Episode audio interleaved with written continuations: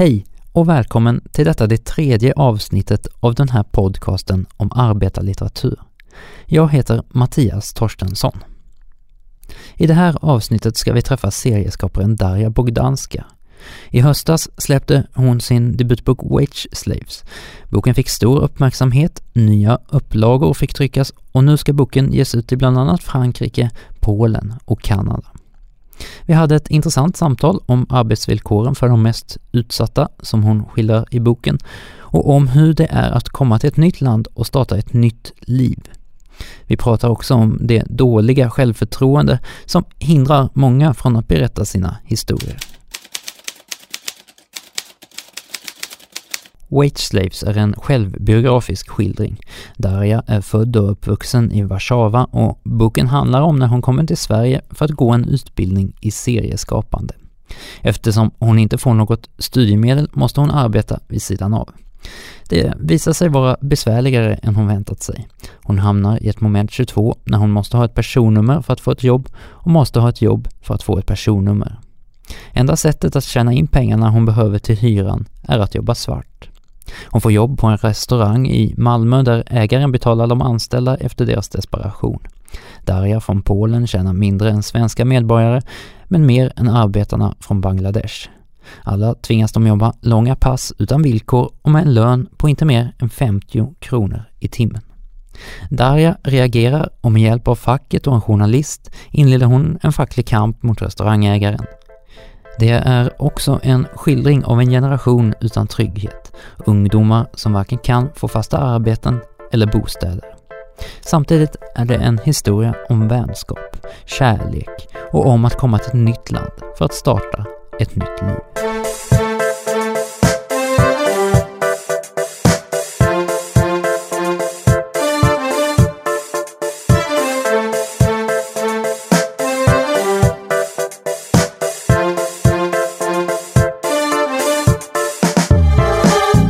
Ja, Darja Bogdanska, välkommen hit. Ja, tack. Varför skrev du den här boken?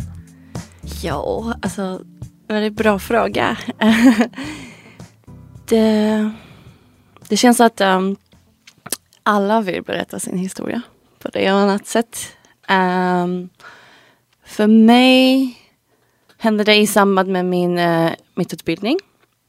Uh, jag kom till Sverige för att plugga på serieskolan eh, i Malmö. Och eh, där var vi tvungna att leverera historier hela tiden för att göra serie om dem senare. Mm. Och eh, jag var väldigt trött hela tiden och sen så jag har inte så mycket fantasi. Så jag började skriva om mitt eget liv.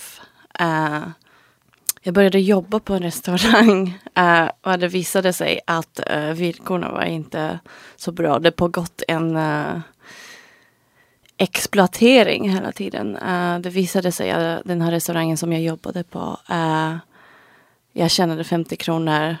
En från Bangladesh tjänade mindre än jag. Men en svensk tjej tjänade min- mer än jag. Uh, så historien skrev sig själv. Man kan säga. Jag började fundera på det. vad hände omkring mig och ville dela min synpunkt och min perspektiv med andra. För det var inte så många som uh, kanske insåg att det kan se ut så här i Sverige. Uh, så jag började skriva om detta.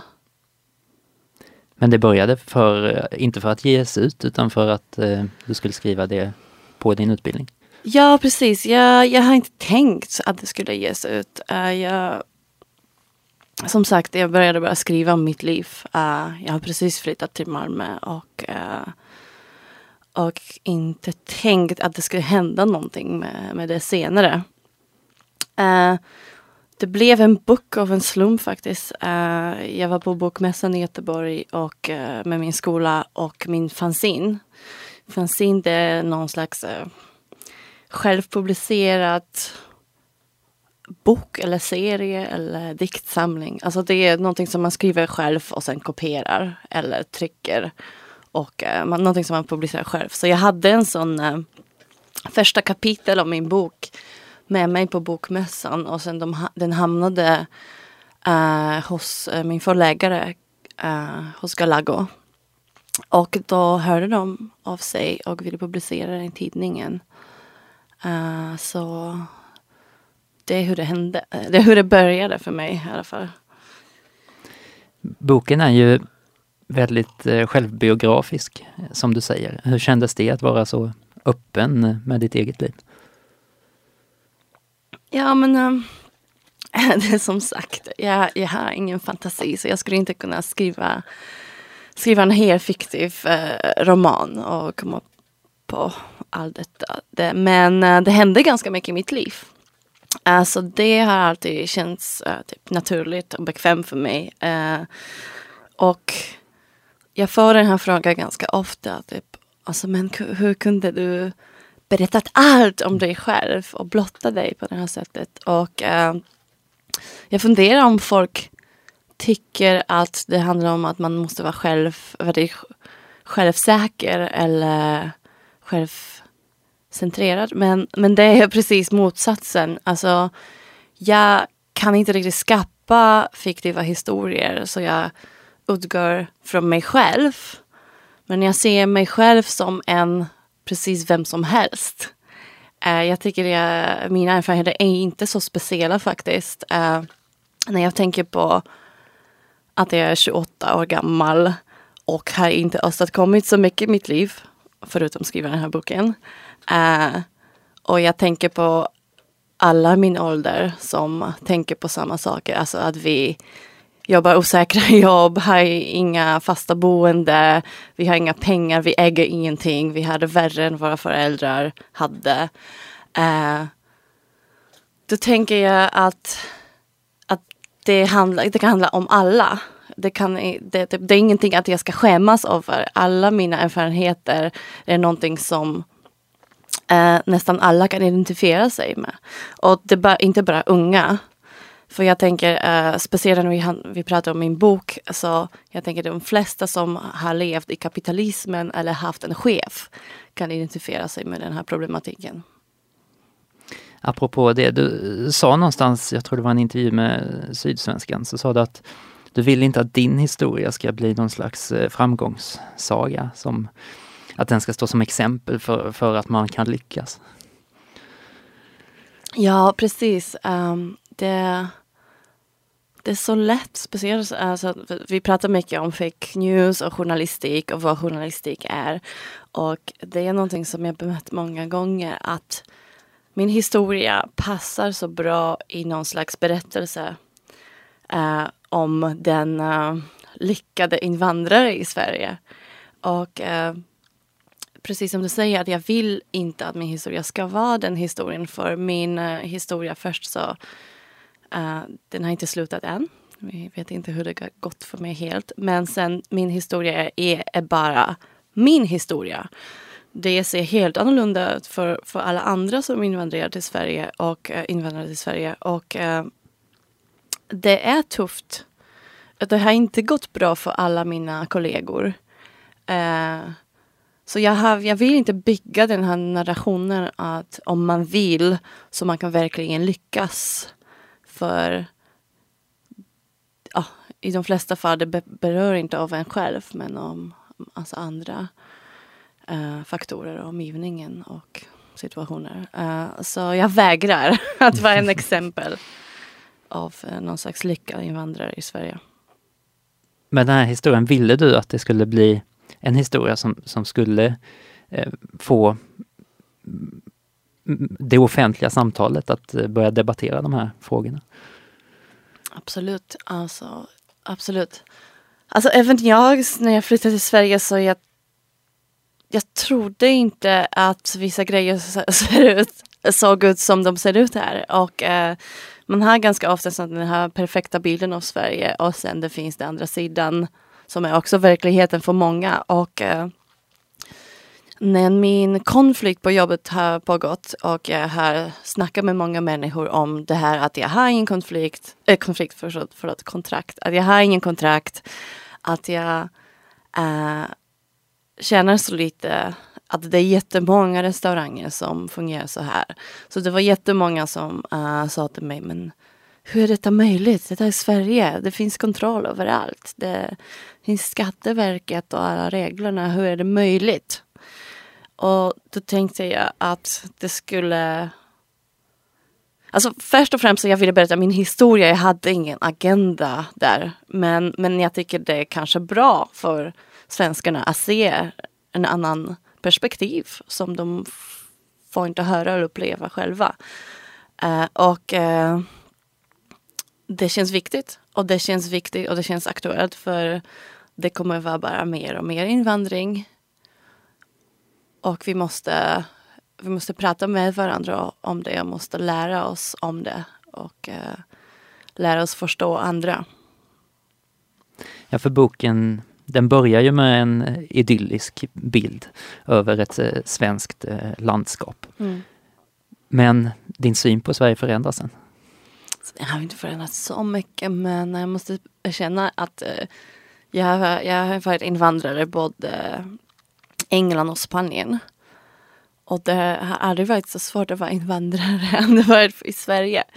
Och delvis på grund av eh, någonting som skulle faktiskt motverka uh, alltså någon slags dålig behandling av arbetarna. Uh, alltså några regler som finns här. Alltså väl, det finns väldigt stränga regler här om allt.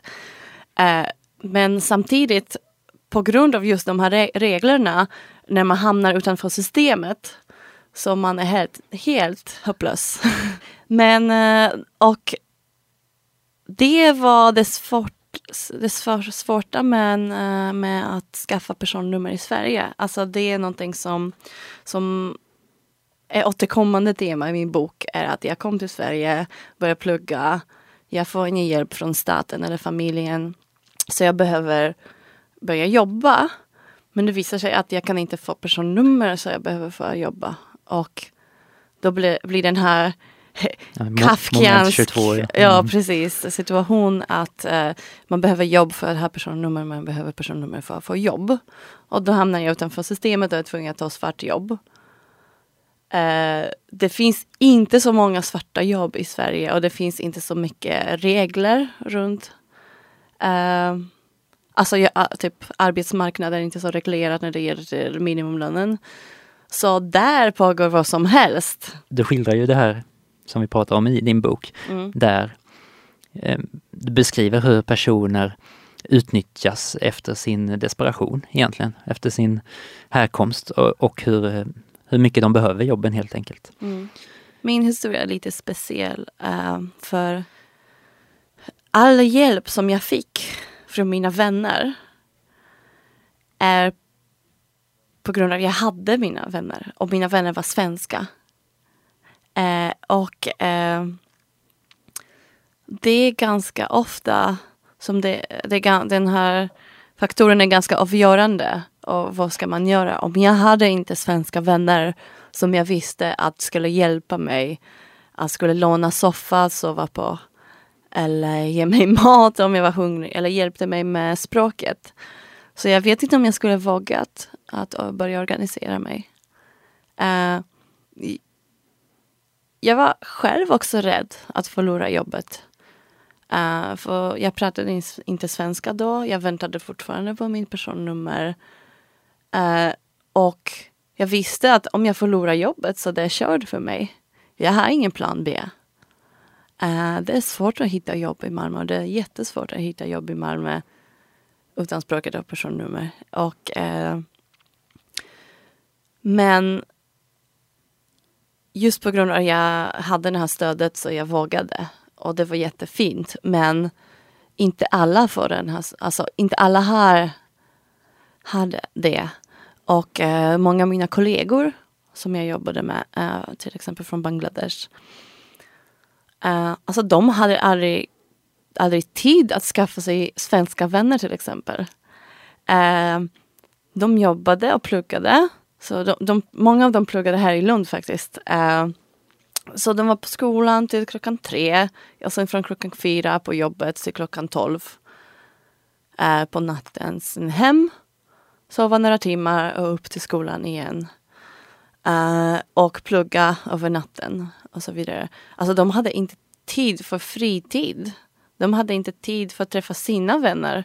De hade inte tid att lära sig svenska. Uh, och inte säga att de hade inte tid att gå och träffa andra människor. Och uh, det är också lite tragiskt att, att de, det, den här situationen som, som de befann sig i uh, var en någon slags fälla för dem. För de kunde aldrig komma ut i den. För om man lär sig inte svenska så man kan inte hitta något jobb. Mm. Precis. Och om man uh, så måste man vara kvar på det här jobbet som man känner så mycket att man måste jobba tillräckligt mycket för att betala hyran. Ja, mm. det, ja det är tragiskt. men, men uh, för mig det var lite så att uh, jag också kommer från uh, punkmiljö.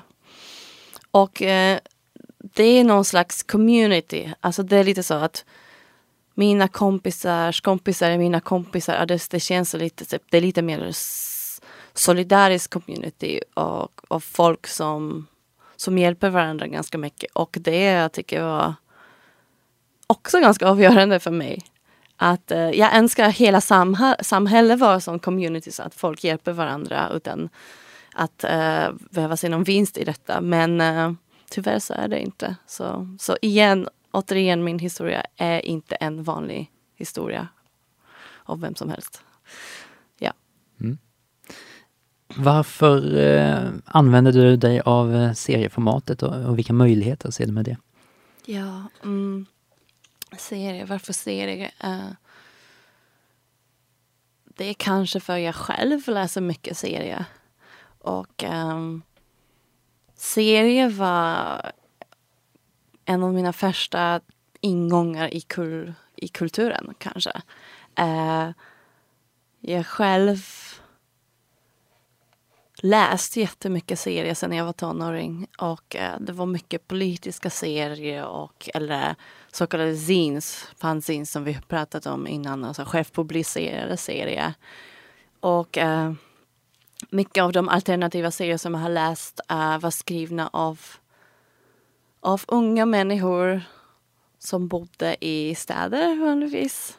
Som uh, hade fuckat upp på många gånger eller hade det inte så bra eller var panka. Det var serier som jag kände mig i. Jag kände igen mig i. Uh, och uh, det är kanske därför jag började sen, senare också rita serier. Mm. Uh, jag vet inte. Och vad känner du, varför använder du det formatet? Vad är det det ger som är så bra? Ja, när jag tänker på det så jag, typ, jag har faktiskt försökt både rita serier och skriva när jag var barn. Och eh, som sagt, alltså, eh, ja, vi har konstaterat att jag hade inget kulturkapital. Eh, ja, vi hade inga böcker hemma. Eh, jag har läst allt som mina föräldrar hade och det var typ några kokböcker, eh, någon typ klassisk polsk roman som man skulle vara, tvungen att läsa i skolan och erotiska noveller. Det hade vi hemma. så typ jag, jag har blivit en, eh, en uh, usual att uh, min skolans uh, till biblioteket. Så jag har läst många böcker och jag tänkte att jag skulle vilja skriva också. Men det har inte gått så bra faktiskt. Alltså jag vet inte varför men jag är inte så bra på att skriva. Uh, så jag har fortsatt att rita istället. Och, um, och därför ser jag känns uh, som ett bra medium för mig. För eftersom jag kan inte skriva, jag, jag tycker det är svårt. Uh, så jag kan fortfarande uttrycka mig konstnärligt eller berätta mina historier och när jag saknar ord så jag kan använda mig av bild. Och uh, därför jag tycker om serier väldigt mycket.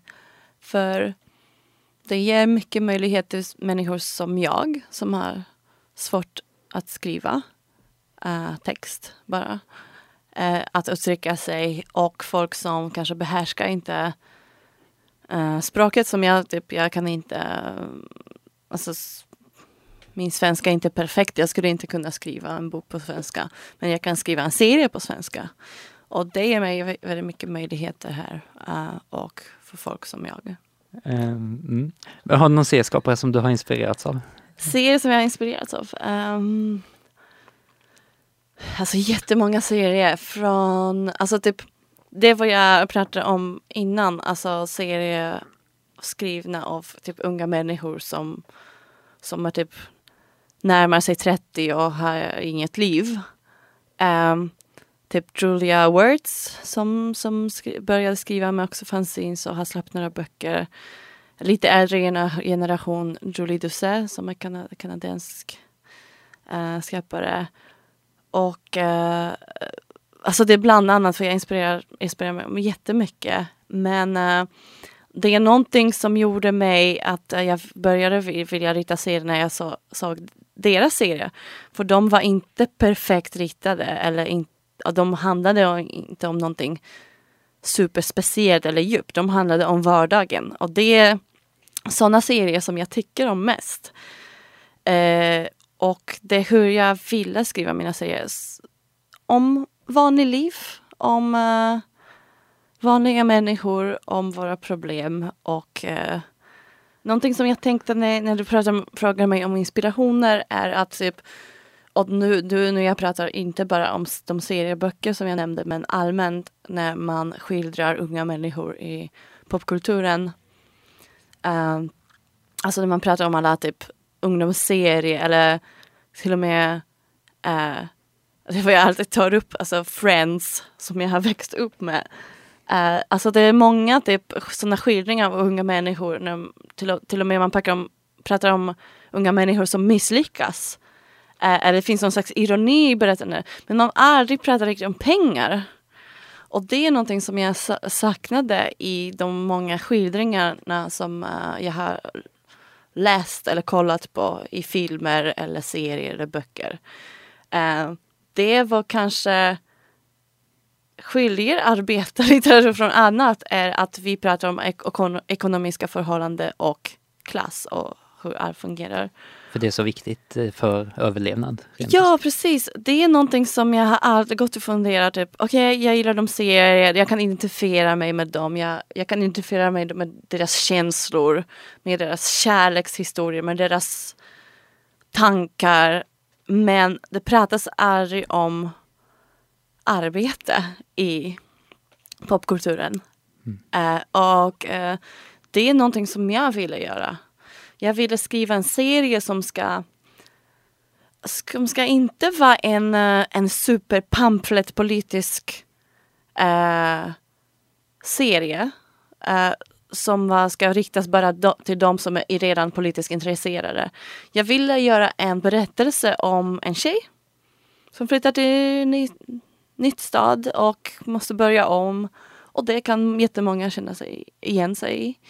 Uh, och sen jag ville prata om, om det som rör alla. Alltså det ekonomiska, det, det här med arbete, med boende, med tryggheten.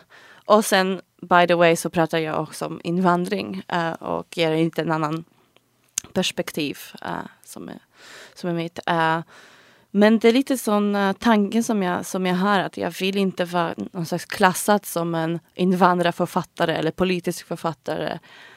Uh, för jag tycker att ja, de flesta kan identifiera sig med detta. Det är bara att det, att det finns inte så mycket utrymme, känns som, i, just nu i, i popkulturen att prata just om de ekonomiska förhållanden uh, och arbete. Mm. Vet du vad jag menar? Mm, jag tror det. Eh, det finns ju många, alltså Ivar Lo Johansson sa någonstans att han, eh, den, den, den gamla klassiska arbetarförfattaren, att han var tvungen att skriva böcker som inte fanns.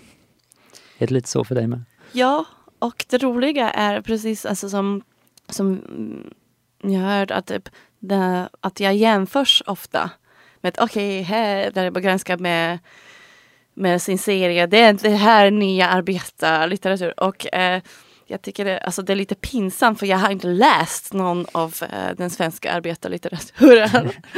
så jag blir självklart smickrad och, eh, och glad. Men först så jag känner mig inte, alltså självklart är jag inte så bra som de var. Men, eh, men sen eh, att jag, alltså jag vet inte faktiskt vad de har skrivit. Jag har försökt um, läsa Moa Martinsson bok. Uh, vad heter den? Kvinnor och äppelträd. Kvinnor och äppelträd. Mm. Ja. Alltså, men jag måste säga, jag har velat läsa den väldigt, väldigt mycket. Men det har inte gått för att uh, Alltså det är så gammaldags språk att jag kunde inte förstå någonting. Alltså jag tappade fokus mm. ganska snabbt. Uh, så det är kanske en uh, tips till folk som är kulturproducenter och så vidare. Uh, att göra om eller skriva om de böckerna. Eller göra adaptationer så, så typ folk, så folk kan förstå dem. Alltså folk som jag som kan inte svenska så bra. Eller unga människor som pallar inte. Mm. Jag vet inte. Du, säger ganska ofta att du inte är fantastiskt bra på att skriva eller på att rita, men att du gör det för att det är viktigt och att du har någonting att, att säga. Hur hänger det här ihop? För du har också pratat om, om medelklassens självförtroende. Mm. Och eh, det som är vanligt i, om du kommer från arbetarklass, att du inte har samma självförtroende och samma tro på dig själv. Mm. Hur mycket ligger det i det? Att det bara är att du saknar självförtroende? Eller är det eller är det faktiskt så? Ja, alltså det kan vara så. Alltså, jag kanske inte bara är jättesmart eller jag har bara inte talang för att skriva och det kan vara det, som du säger. Eller det kan vara det här med självförtroende. Alltså det är så att eh, ingen i min familj har högre utbildning. Som vi har pratat om innan. Mina, mina föräldrar är vanliga knegare. Jag fick ingen kulturkapital hemifrån. Jag fick det mycket senare genom uh, olika, olika politiska rörelser och punk och så vidare. Um, jag, har, jag har faktiskt ritat i 20 år och har aldrig, aldrig visat mina grejer till någon, alltså aldrig riktigt planerat att göra någonting vidare med mina grejer för jag tyckte det var dåligt alltid. Och, uh, och nu jag har vågat göra det och eh, det var precis som vi har pratat innan att jag har gått på den här serieskolan och och alla hade bra självförtroende där. Och då märkte jag att vi alla gör olika grejer. Det betyder inte nödvändigtvis att de grejerna som de andra gjorde var bättre eller värre. Men eh, men jag började tro på mig själv, för jag, alltså, för jag tänkte jag är, inte, jag är inte sämre än dem i alla fall. Så jag behöver inte känna mig sämre. Och uh, det var en stor självförtroende boost för mig att gå den här uh, utbildningen på folkhögskolan. Uh, men sen den här frågan med om med skapande och om man är bra på någonting eller inte. Alltså jag tycker det är jättedjupa frågor och jag tycker jag inte är bra. Och då börjar, brukar jag fråga mig själv är du inte bra på riktigt? Eller Är det din dålig självförtroende som ha, kan ha med din uppväxt eller din klass att göra? Uh, eller har det att göra med att du riktigt vågat satsa på någonting? Eller har du haft möjlighet, för du har jobbat hela tiden och har inte haft möjlighet att satsa på någonting, till exempel skrivande. Uh, och det kanske är så. Och det kanske är så för många att uh, man tror inte på sig själv så man vågar inte satsa på någonting och när man inte satsar på någonting så man aldrig lär sig göra det. För det är fall med ganska många grejer att man det är inte så att man kan göra grejer, man måste bara göra dem och göra dem och göra och göra och göra och då blir man bra. Det kan vara så. Eh, och jag kanske kommer bli en jättebra skribent om tio år. Men jag bara sätter mig och satsar på det nu och börjar skriva och skriva och skriva och skriva. Men jag kanske inte det. Jag verkar kanske usel eh, skribent eller författare. Och det kanske är också okej. Okay. det är kanske är okej okay att acceptera att man kan inte vara bra jämt. Eller alla behöver vara bra hela tiden och smarta. För jag känner att det är ganska... Jag har alltid varit rädd av att vara dum. Och jag tycker det är ganska förtryckande att alla ska vara så smarta hela tiden. För typ inte alla kan vara det. Och det är okej okay att vara typ medioker också. Och uh, Jag tror att det är därför jag, jag brydde mig inte så mycket när det typ kom recensioner av min bok. Och uh, jag fick prata om den. För jag har inte för höga förväntningar för mig själv. Alltså jag vet jag är inte någon slags geni. Jag gjorde en bok för jag ville göra den och jag tyckte det var viktigt. Eh, jag, vet att den, är, jag vet att den är okej. Okay. Jag vet att det var väldigt många som tyckte om den. Men jag vet att det inte är en masterverk. Men det är okej. Okay. och det känns uh, faktiskt väldigt bra för mig att acceptera det också. Uh, och självklart man ska sträva efter att bli bättre alltid. Och det gör man också. Man blir ju bättre ju mer man gör. Ju mer man skriver, mer ritar. Uh, ju mer man gör poddar. Uh, men det är också okej okay att bara inse att, att, inte all, att man behöver inte vara bäst alltid. Finns det viktiga historier som inte har kommit fram på grund av att människor helt enkelt inte har vågat berätta sina oh, herregud, självklart. Jag tänker på det hela tiden. Jag tänker, vilka är de som får berätta sina historier? Och då tänker jag, okej, okay, alla de som har självförtroende, alla de som vågar, alla de som har ekonomiska möjligheter för det. Alltså jag skulle säga att typ 90 procent av de historier som skulle vara intressanta att höra hörs inte. På grund av hur, alltså klassamhälle, könsroller, så vidare, så vidare. Uh, och uh, jag har tänkt på det så mycket. Uh, om nu jag ser hur svårt processen är att faktiskt göra grejer, alltså skapa konst eller skriva böcker. Hur mycket faller också på olika kretsar man rör sig i. Att det handlar mycket också om kontakter, rätta människor man känner. Alltså de flesta som är kanske riktigt, riktigt bra, har riktigt, riktigt viktiga grejer att säga, kommer aldrig nå dit. Uh, och uh, det känns, uh, jag vet inte. Jag hoppas att det ändras någon, någon dag och att det kommer flera röster som behöver höras eller som, som vill säga någonting. Och jag tycker att fortfarande i Sverige det är mycket bättre än på massa andra ställen. Alltså, jag skulle aldrig släpp, kunna släppa den här boken i, i Polen till exempel. Alltså här, man kan skratta att jag kanske är lite inkvoterat. För jag, ah, nej, men, det skulle vara intressant att släppa en bok om eh, en invandrare kanske. Tänkte Galago. Eller jag vet inte. Eller de kanske tyckte att det var bra. Uh, jag hoppas på det andra.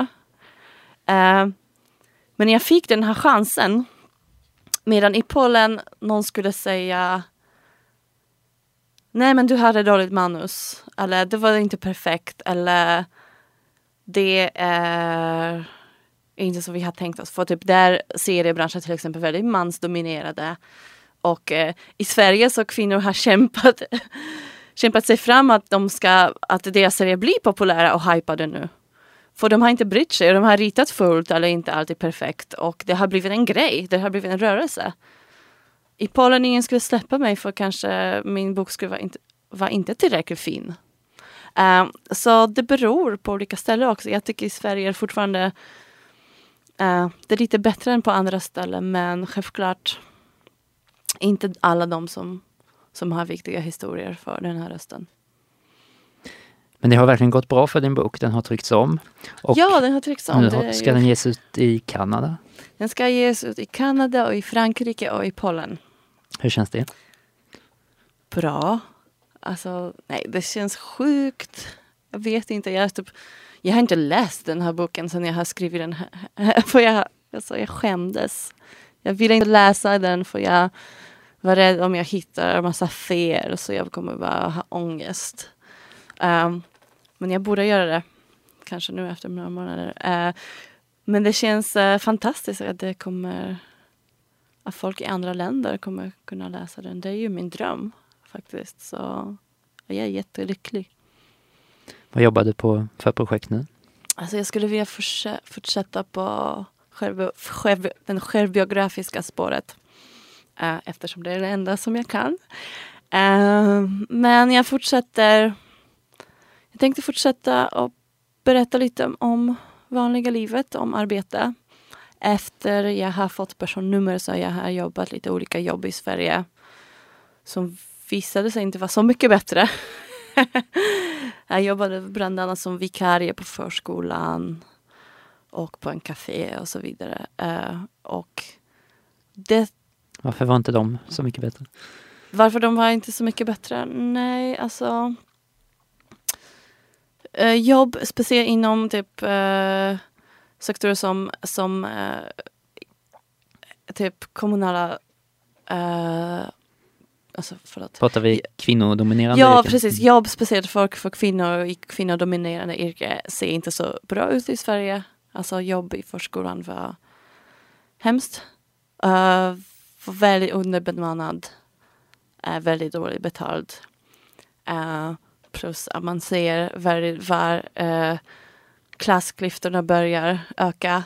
För man åkte till eh, förskolan i Lindänge och då var det en förskola på tredje våning utan lekplats och alla barn grät och eh, det var underbemannat. Medan man åkte till Limhamn och där eh, barnen åt italiensk ekologisk mat, hade lekplats eh, som riktigt tivoli och eh, lyssnade på relaxing music. Alltså, till exempel sånt vill jag skriva om. Uh, sen eh, en annan grej som jag vill börja skriva om i min nästa bok som jag hoppas börja på snart är också bostadskrisen.